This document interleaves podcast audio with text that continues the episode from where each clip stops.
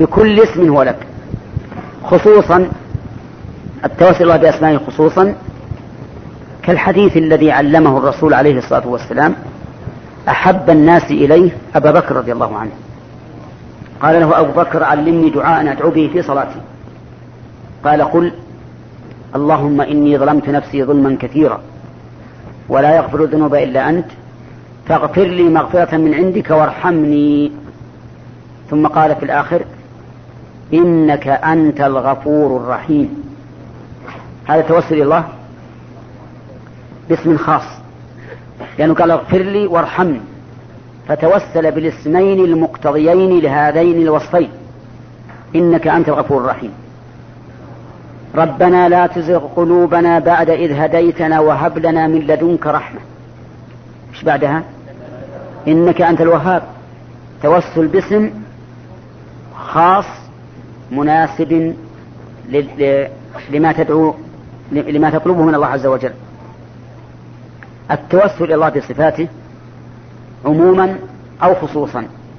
هذا أيضا جائز ومندوب. فتقول اللهم أني أسألك بأسمائك الحسنى وصفاتك العليا. وفي الحديث في دعاء الاستخارة اللهم بعلمك الغيب آه، في نعم في نعم أستخيرك بعلمك وكذلك أيضا في الحديث الآخر.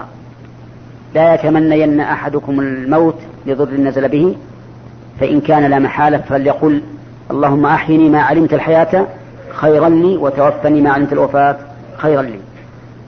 وكذلك الحديث اللهم بعلمك الغيب وقدرتك على الخلق أحيني ما علمت الحياة خيرا لي. هذا توسل الله تعالى بصفة معينة من صفاته. الثالث التوسل إلى الله بالإيمان به. لأن الإيمان به سبب يقتضي الرحمة ويقتضي إعطاء المطلوب.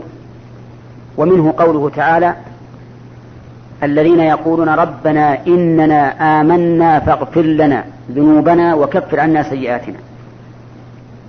توسلوا بماذا؟ بالإيمان بالله. إننا آمنا فاغفر لنا. لأن الف هذه للسببية الرابع التوسل بالعمل الصالح. التوسل بالعمل الصالح ومنه قصة أصحاب الغار الثلاثة الذين انطبق عليهم الغار وعجزوا عن أن يدفعوا الصخرة التي انطبقت فتوسل كل منهم بعمله الصالح. وقال اللهم إن كنت فعلت ذلك من أجلك فافرج عنا ما نحن فيه. كم هذه؟ أربعة. الخامس التوسل إلى الله عز وجل بفعله. التوسل الله بفعله يعني تتوسل إلى الله تعالى بفعل سبق منه وتسأله مثل ما مثل هذا الفعل الذي سبق. ومنه قولنا ونحن نصلي اللهم صل على محمد وعلى آل محمد كما صليت على آل على إبراهيم وعلى آل إبراهيم. هذا توسل الله بماذا؟ بفعله. يعني أنه قد سبق منك يا ربنا أن صليت على إبراهيم وعلى آل إبراهيم فصل على محمد وعلى آل محمد. فالكاف في هذا للتعليل وليست للتشبيه. أرجو الانتباه لأن هذه المسألة صار فيها خوض من بعض العلماء. يقول إن الكاف للتشبيه بعض العلماء يقول الكاف للتشبيه. ومعلوم أن محمدا صلى الله عليه وسلم أفضل من إبراهيم. فكيف و... نعم. والمشبه أدنى من المشبه به. فكيف قال على محمد كما صليت على إبراهيم؟ وأجابوا بأجوبة لكن الصحيح أنه لا حاجة إلى هذا الإشكال. نقول الكاف للتعليل. تأتي الكاف في اللغة للتعليل كما قال ابن مالك في الألفية شبه بكاف وبها التعليل قد يعنى وزائدا لتوكيد ورد. شبه بكاف وبها التعليل قد يعنى وزائدا لتوكيد ورد. ومنه قوله تعالى واذكروه كما هداكم أي لهدايتكم وقوله كما أرسلنا فيكم رسولا منكم يتلو عليكم آياتنا إلى آخره. المهم أن هذا من باب التوسل إلى الله بماذا؟ ها؟ بفعل من أفعاله. الخامس السادس التوسل إلى الله تعالى بذكر حال الداعي. بذكر حال الداعي يتوسل الله بذكر حال الداعي. يعني يصف نفسه بأنه فقير مريض شيخ كبير وما أشبه ذلك. هذا جائز. ومنه قول زكريا رب إني وهن العظم مني واشتعل الرأس شيبا. وقول موسى عليه الصلاة والسلام رب إني لما أنزلت إلي من خير فقير. فهذه أنواع التوسل الجائزة المندوبة. أما التوسل بذات أحد من المخلوقين فهذا لا يصح. لماذا؟ لأن التوسل معناه الطلب بالشيء الموصل إلى المقصود. وذات النبي صلى الله عليه وسلم مثلا ليس لها علاقة بإيصالك إلى مقصودك. فلهذا كان القول الراجح أنه لا يصح التوسل بذات الرسول صلى الله عليه وسلم ولا بجاهه. وبدلا من أن تتوسل بذات الرسول أو جاهه توسل بأسماء الله وصفاته حتى تكون متابعا لرسول الله صلى الله عليه وسلم حق المتابعة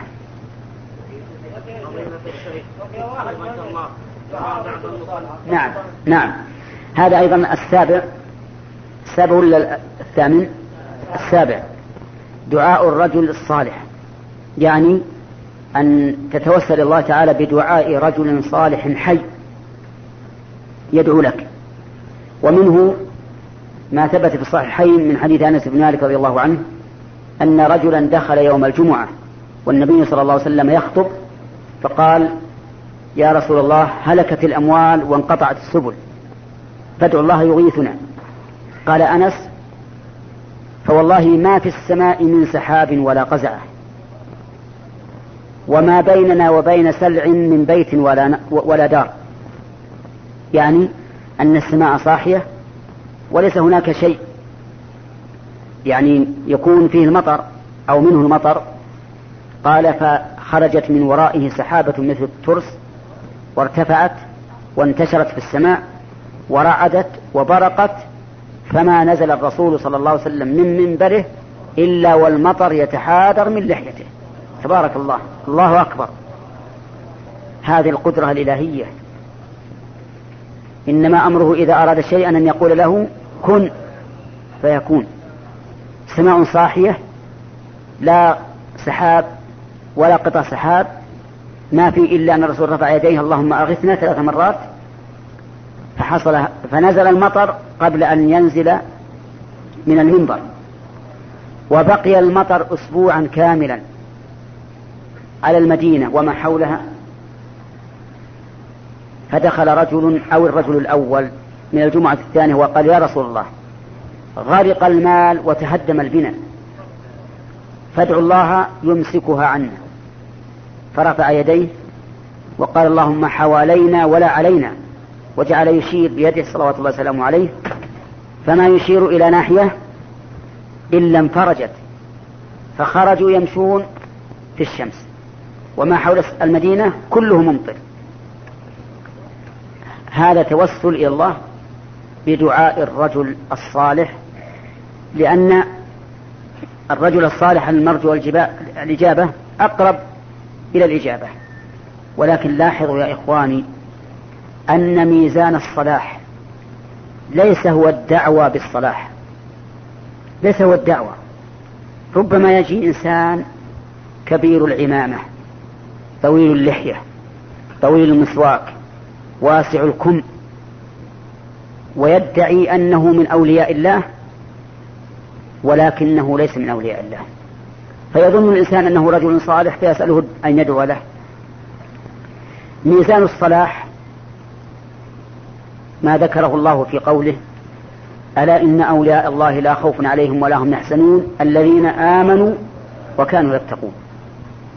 أما دعوى الصلاح فكل يدعي وصلا لليلى وليلى لا لا تقر لهم بذاك كل يدعي أنه صالح لكن ما, ما يقبل. يقول الرسول صلى الله عليه وسلم البينة إيه؟ المدعي. تأتي تدعي أنك ولي من أولياء الله وأنت أكال للمال دجال لاعب بأفكار الناس. ما هو صحيح هذا.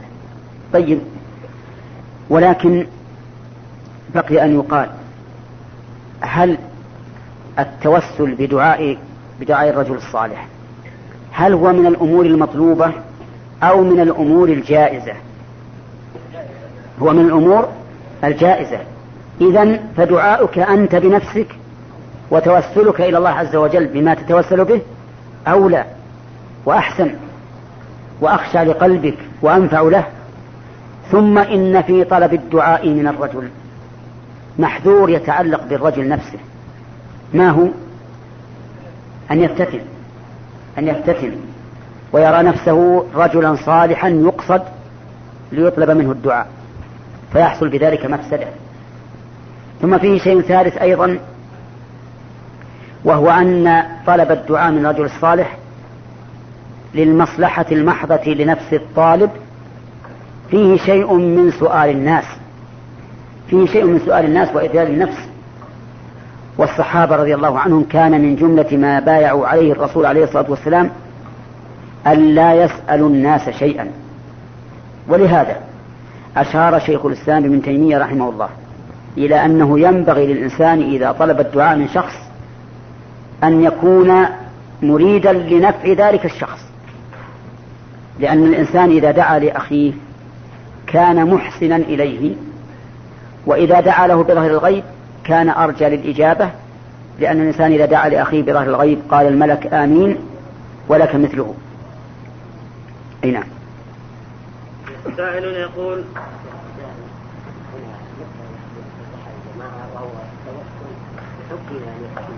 نعم. أي نعم. يسأل يقول هل يجوز التوسل بحبنا لرسول الله صلى الله عليه وسلم؟ ونقول نعم. لأن محبتنا لرسول الله صلى الله عليه وسلم من أفضل الأعمال. بل لا يؤمن أحد حتى يكون رسول الله صلى الله عليه وسلم أحب إليه من نفسه وولده والناس أجمعين ووالده والناس أجمعين. وكذلك باتباعنا لأنه من العمل الصالح. يقول اللهم إني أسألك بمحبتي لرسولك صلى الله عليه وسلم كذا وكذا.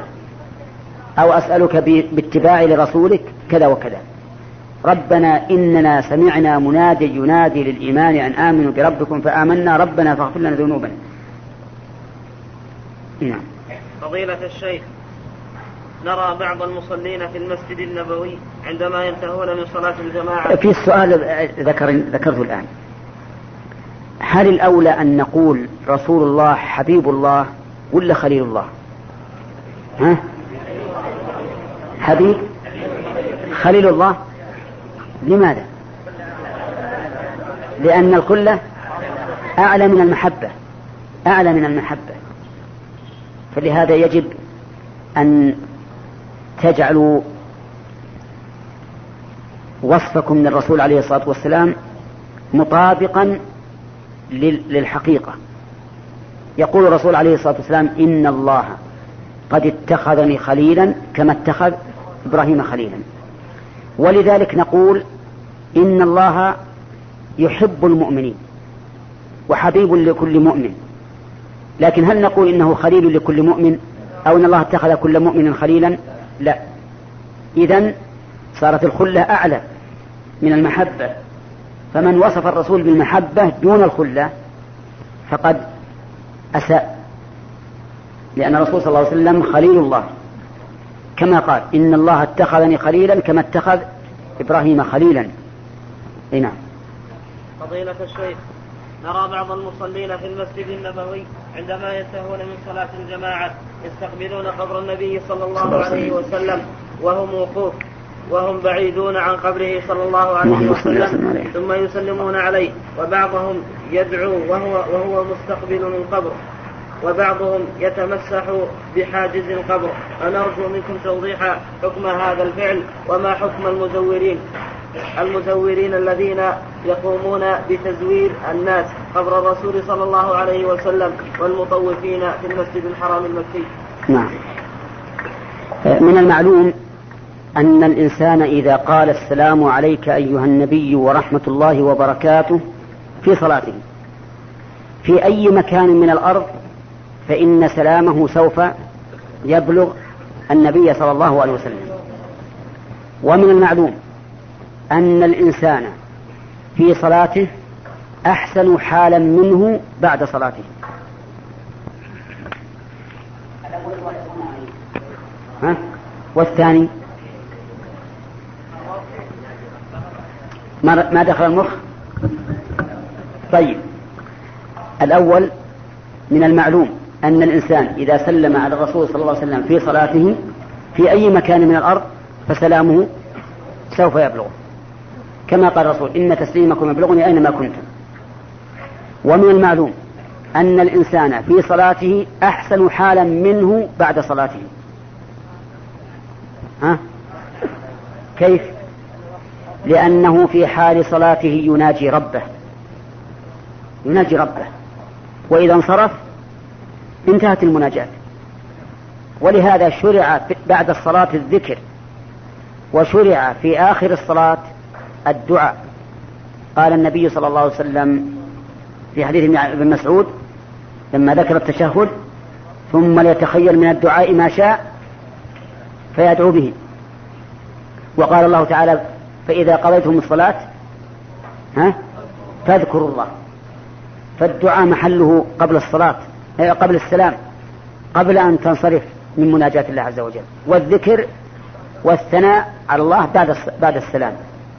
إذا كان الأمر كذلك فإن قول الإنسان المصلي في صلاته السلام عليك أيها النبي ورحمة الله وبركاته يغني عن كونه إذا قام إذا انتهى من الصلاة قام واستقبل القبر وقال السلام عليك يا رسول الله. أعرفتم؟ ولم أعلم وإلى ساعة هذه أن أحدا من الصحابة كان يفعل ذلك. أي إذا سلم قام ليتجه إلى القبر فيسلم على الرسول عليه الصلاة والسلام. وإذا كان الصحابة لم يفعلوه.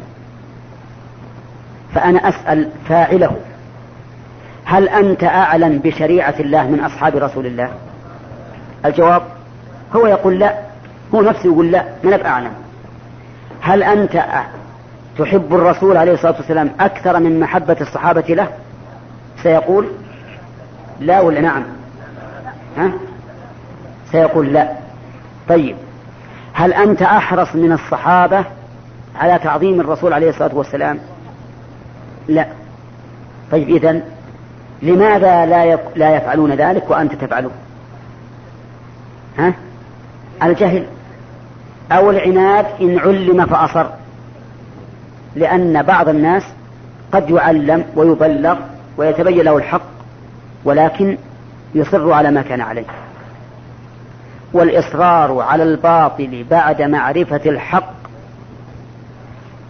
خطره عظيم. يقول الله تعالى ومن يشاقق الرسول من بعد ما تبين له الهدى ويتبع غير سبيل المؤمنين وش الجواب؟ نوله ما تولى ونصله جهنم وساءت مصيره. فالمؤمنون الذين هم أكمل منا إيمانا وأشد منا تعظيما للرسول عليه الصلاة والسلام وأقوى منا محبة له لم يكونوا إذا سلموا من الصلاة يقفون لا قرب القبر ولا في مكان صلاتهم ليسلموا على الرسول عليه الصلاة والسلام لأنهم أفقه منا وأعلم. فنصيحتي لإخواني الذين يفعلون هذا أن يتوبوا مما فعلوا وأن يقتصروا على ما شرع لهم من العبادات. فالنبي صلى الله عليه وسلم وأصحابه رضي الله عنهم هم خير من يقتدى بهم. وأما ما يتعلق بالمزورين وبالمطوفين في المسجد الحرام فهؤلاء إذا اتقوا الله عز وجل ودلوا الناس على ما تقتضيه الشريعة وأتت به السنة وقالوا للناس سلموا على الرسول عليه الصلاة والسلام بأحسن صيغة من السلام عليه ثم سلموا على أبي بكر ثم على عمر ثم انصرفوا. إذا دلوهم إلى هذا العمل فهم مصيبون. مصيبون ولهم أجر إن لم يستعجلوا الأجر في الدنيا ويأخذوا الدراهم بدلا من الثواب. وإذا سألتكم ما هي أكمل صيغة في السلام عليه الجواب ما علمه الرسول صلى الله عليه وسلم أمته. السلام عليك أيها النبي ورحمة الله وبركاته. أما هذا الدعاء الطويل العريض الذي قد يكون بعضه ليس بصحيح فهذا لم يرد. ومن عمل عملا ليس عليه أمر الله ورسوله فهو رد. ما لم يرد من العبادات فهو رد. ما لم يرد فهو رد.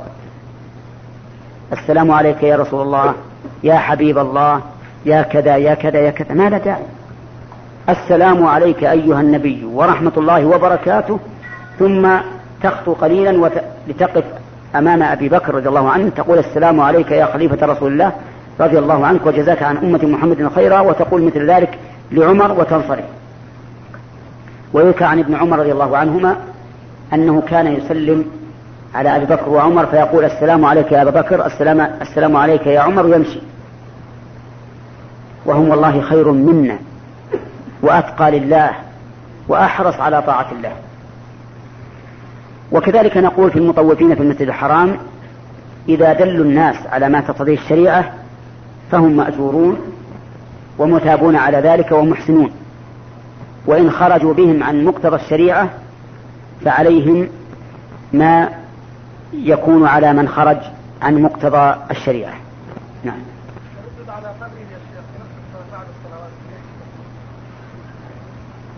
جاء في السؤال.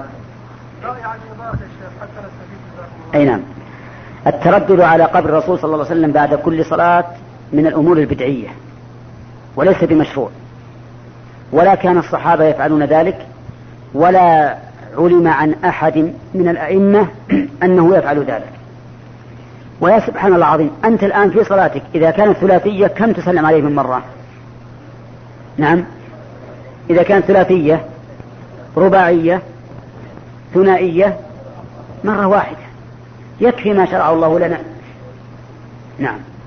فضيلة الشيخ السلام عليكم ورحمة الله وبركاته. السلام ورحمة الله وبركاته. أشهد الله على حبكم وأرجو من فضيلتكم شرح هذه العبارة مع نسبتها إلى قائلها. لا يصلح لا يصلح آخر هذه الأمة إلا بما صلح به أولها.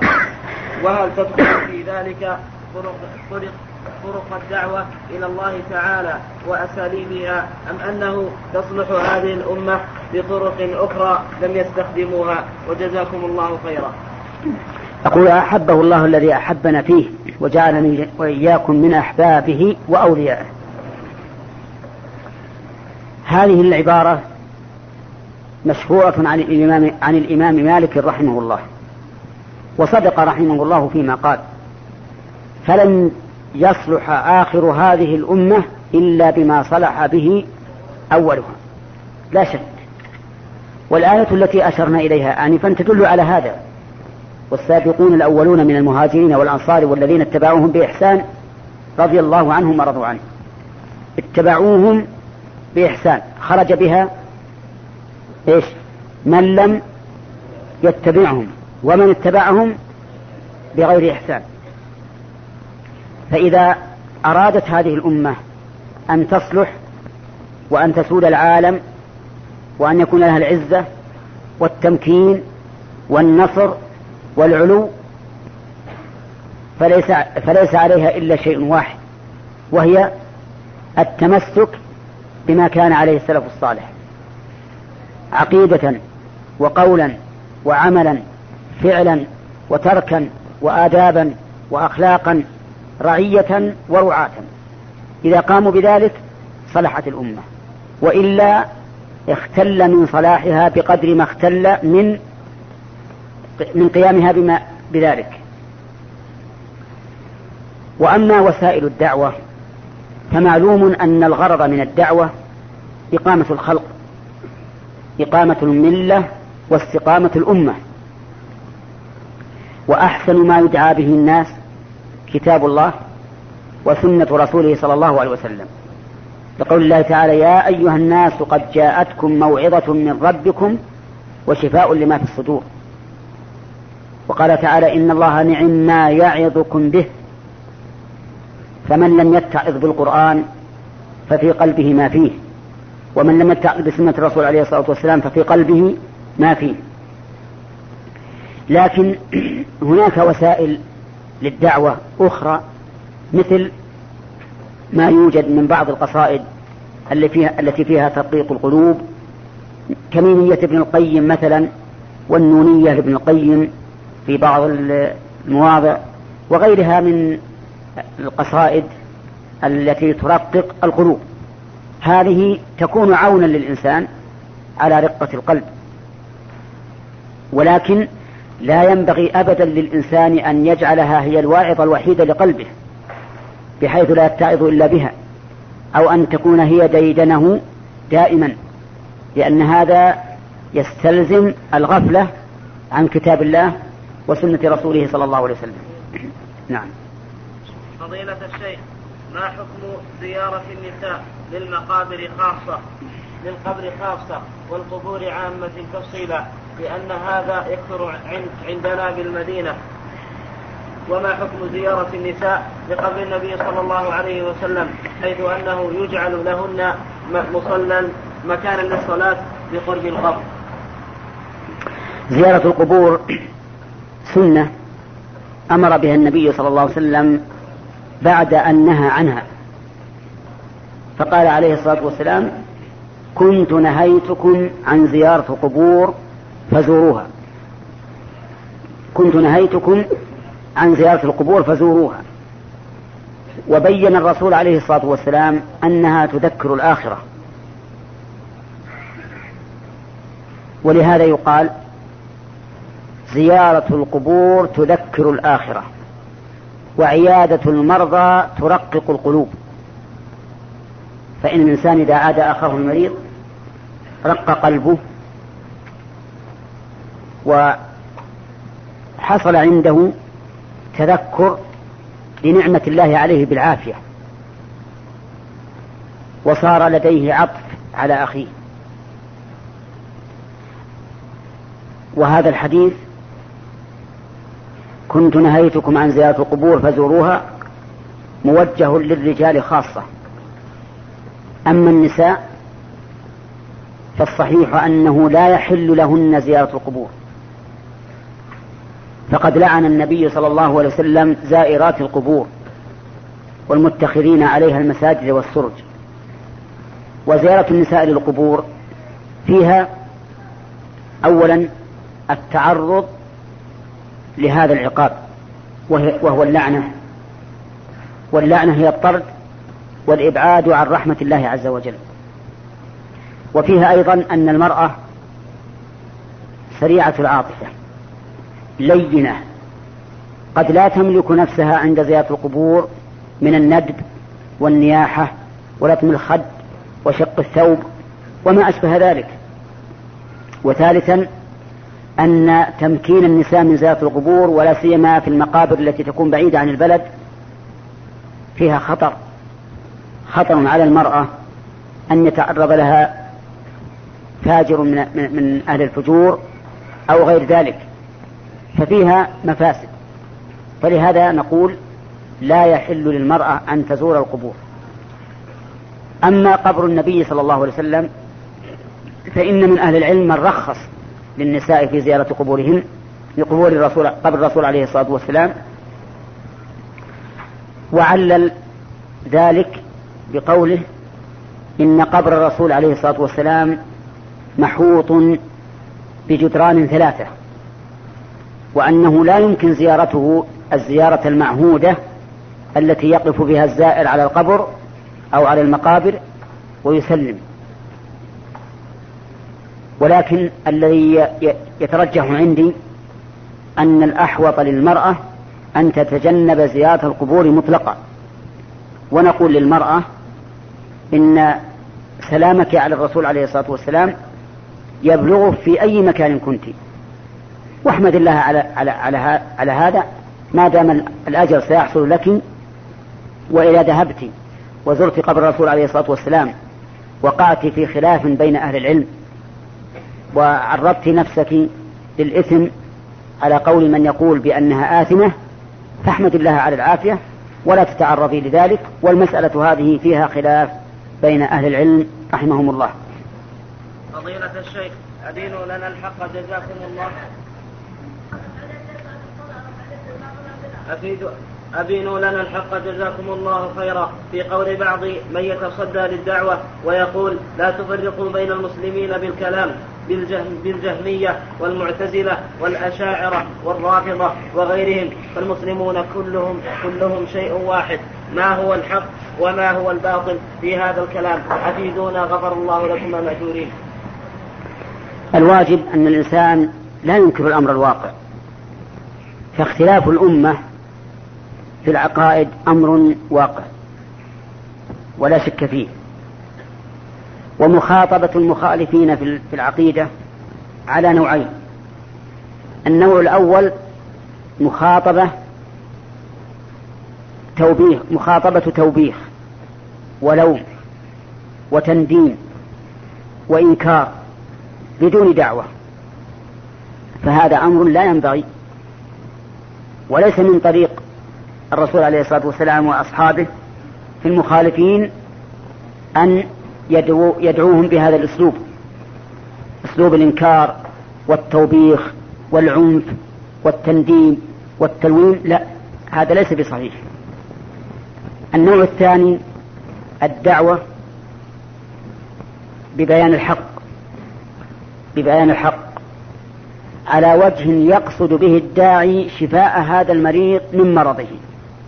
كما يقصد الطبيب بالمعالجة شفاء هذا المريض فهذا أمر واجب. ولا بد منه. ولكن كوننا نوالي كل إنسان على ما فيه من بدعة ولو كانت بدعته مكفرة هذا لا يجوز أبدا. بل يجب أن نبين الحق ونبين الخطأ وننكر على من أصر عليه وأما الدعوة الشخصية فهذه لها حال. لكن سكوتنا عن البدع وعدم بيانها خطأ. فالحق حق يجب أن يعلن ويظهر والباطل باطل يجب أن يدحر ويبين حتى لا يضل الناس باتباعه. نعم. فضيلة الشيخ أرجو منكم توضيح معنى هذه الآية. قوله تعالى أعوذ بالله من الشيطان الرجيم. أن تقول نفس يا حسرة على ما فرطت في جنب الله. الآية فما تفسير الجنب هنا؟ وهل ورد في حديث صحيح أن الله تعالى له صفة الجنب؟ أفيدونا حفظكم الله.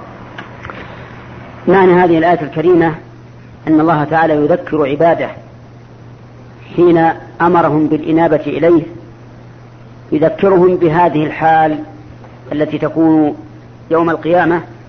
يقول فيها الإنسان يا حسرة على ما فرطت في جنب الله وإن كنت لمن الساخرين. أي ما فرطت في حقه وفي جانبه عز وجل. لأن الإنسان ليس يفرط في جنب الله الذي هو جنبه جل وعلا. إنما يفرط في حقه وفي جانبه سبحانه وتعالى هذا هو المعنى الذي لا يتبادر من الآية سواه. والجنب الذي هو صفته لا أعلم في النصوص في الكتاب والسنة أن الله أثبت لنفسه جنبا. بمعنى الجنب الذي هو صفته. أما بمعنى الجنب الذي بمعنى الذي هو الجانب أو الحق أو ما أشبه ذلك فهذا هو المراد بهذه الآية الكريمة. وليعلم أن بعض بعض الناس يفهمون من قول أهل العلم أجر آيات الصفات على ظاهرها. يفهمون منها في بعض الآيات خطأ مثل يقول لبعض الناس إن عندنا أستاذا يقرر علينا ويحرف. كيف؟ بل يقول في قوله تعالى والسماء بنيناها بأيد أي بقوة أي بقوة. وهذا تحريف. فقلت لما؟ قال لأن الأيد يعني أيدي الله. وهذا خطأ. ولا يجوز أبدا أن نقول إن قوله تعالى بأيد أي أيدي الله. لا يجوز هذا أبدا. لماذا؟ لأن الله لم يضفها لنفسه. فإذا قلت المراد بالأيد هنا جمع يد أي أيد الله والله ما أضافها لنفسه فقد قلت على الله ما لم يقله إذا ما معنى بأيد؟ أي بقوة. لأن آد يعيد مصدرها أيد. فمعنى أيد أي بقوة. نظيره قوله تعالى وبنينا فوقكم سبعا شدادا أي قوية. ولهذا لا يجوز أن تضيف إلى الله ما لم يضفه إلى نفسه. لو قال قائل ماذا تقول في قوله تعالى يوم يكشف عن ساق؟ هل هذا ساق الله أم ماذا؟ فالجواب أن نقول للعلماء في ذلك قولان. قول إن المراد به ساق الله وقول إن المراد به الشدة. يعني يوم يكشف عن شدة وتتبين وتظهر وذلك يوم القيامة. وذلك يوم القيامة. فقال لو قال هذا القائل ألستم تقولون إنه لا يجوز أن يضاف إلى الله ما لم يضفه إلى نفسه وأنتم تقولون إن ساق هنا فيها قول للسلف بأن المراد بها ساق الله؟ فكيف تقعدون ثم تنتقضون؟ ما والله واضح ولا لا؟ نعم. طيب. القاعدة اللي ذكرنا لا يجوز أن يضاف إلى الله ما لم يضفه إلى نفسه. طيب. ساق يوم يكشف عن ساق قال بعض العلماء من أهل السنة إن المراد به ساق الله. والله تعالى لم يضفه لنفسه. فتكون طيب فتكون القاعدة منتقضة. كيف تضيفون الله ما لم يضيفه إلى نفسه؟ قلنا نعم هذا حق حق ويجب أن تنقض قاعدتنا به لكن لنا دليل في ذلك. حديث أبي سعيد المشهور أن الله عز وجل يوم القيامة يكشف عن ساقه ويسجد له كل مؤمن كان يسجد لله وأما من لا يسجد لله فلا يستطيع السجود. فإن ظاهر الحديث فإن سياق الحديث موافق لسياق الآية. ولهذا قلنا بهذا القول ولولا الحديث ما جاز أن نقول هو ساق الله.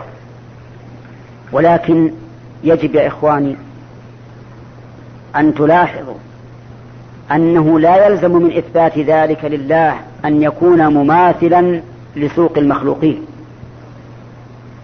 لأن الله يقول جل وعلا ليس كمثله شيء. وانتبهوا لهذه الآية ولتكن دائما منكم على بال. كما أنه يجب أن يكون منكم على بال أنه لا يحل لنا أن نكيف صفات الله. لأن الله يقول ولا يحيطون به علما. ويقول لا تقف ما ليس لك به علم. فلا تتخيل صفة تكيف بها صفات الله عز وجل. ولهذا لما سئل الإمام مالك رحمه الله عن قول الله تعالى الرحمن على العرش استوى.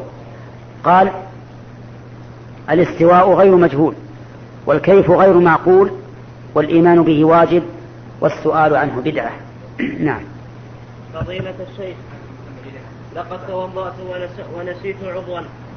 ألا وهو غسل الوجه فلم أتذكر إلا بعد الوضوء فاجتهدت وغسلت وجهي ثلاث مرات وذهبت وصليت فهل وضوئي صحيح؟ وصلاتي وهل صلاتي صحيحة؟ وهل اشترط الترتيب في الوضوء؟ أفيدونا مأجورين نعم. الترتيب في الوضوء واجب ولا بد منه لأن الله تعالى قال يا أيها الذين آمنوا إذا قمتم إلى الصلاة فاغسلوا وجوهكم وأيديكم إلى المرافق وامسحوا برؤوسكم وأرجلكم إلى الكعبين. فأدخل الله تعالى الممسوح بين المغسولات بين المغسولات. والبلاغة تقتضي خلاف ذلك تقتضي أن يكون الشيء مضموما إلى نظيره إلا لسبب. ولا نعلم سببا لذلك أن الله يدخل الممسوح بين الموصولات. لا نعلم سببا لذلك إلا مراعاة إيش؟ الترتيب. ولهذا كان الرسول صلى الله عليه وسلم يتوضأ ويرتب هذا الترتيب. وفي حديث جابر لما دنا النبي صلى الله عليه وسلم من الصفا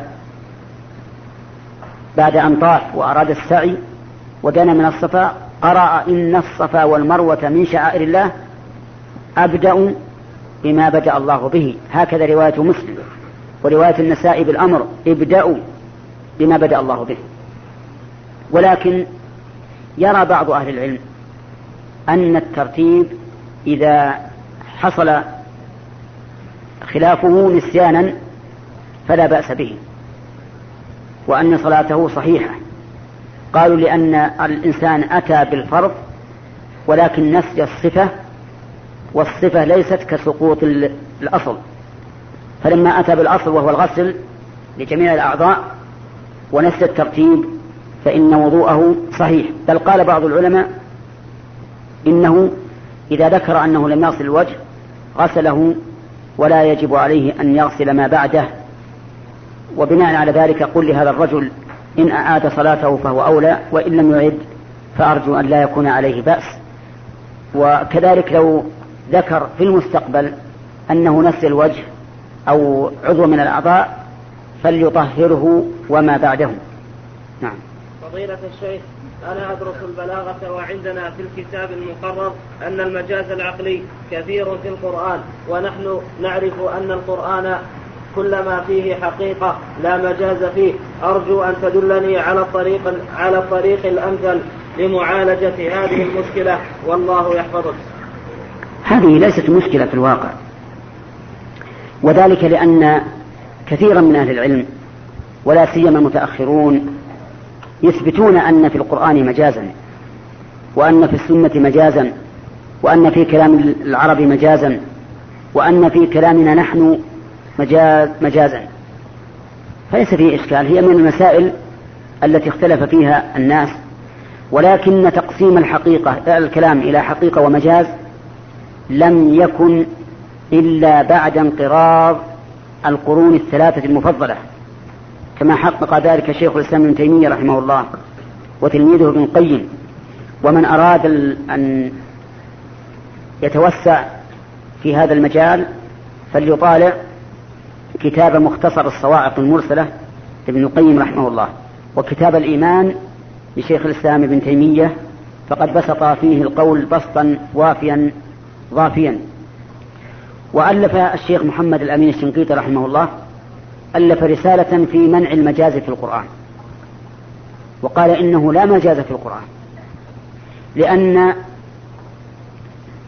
المجاز عندهم أعلى علامة فيه وأظهر علامة أنه يصح نفيه.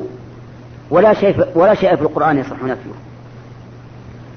لكن كما قلت كان المتأخرون يذهبون هذا المذهب إلى أن المجاز واقع في القرآن والسنة وكلام العرب وكلام الناس. والصحيح أنه لا مجاز وأن الكلام حقيقة يعين معناه السياق أو اللفظ بالوضع. أرجو الانتباه. الكلام يدل على معناه إما بالوضع وإما بالسياق. ولو أنك سألت أي إنسان وقلت ماذا أراد الله بقوله عن بني يعقوب واسأل القرية التي كنا فيها. هل أرادوا أن يأتي أبوهم إلى القرية ويقف عليها جدارا جدارا يسأله؟ أو أرادوا أن يسأل أهل القرية؟ لقالوا أراد أن يسأل أهل القرية لا شك. ولا يتصور أن يقولوا لأبيهم هذا القول. ولو أراد قائلا يقول في قوله تعالى إنا مهلكوا أهل هذه القرية. إن المراد بها الأهل. قلنا لا يصح لأن الأهل موجودة. فالمراد بالقرية في الآية الثانية نفس المساكن. إذا فالذي يعين المعنى هو إيش؟ السياق أو الوضع العربي. فإما هذا وإما هذا وإذا كان تعيين المعنى يكون بالسياق فمع فلازم ذلك أن لا يوجد مجاز في اللغة العربية. نعم. فضيلة الشيخ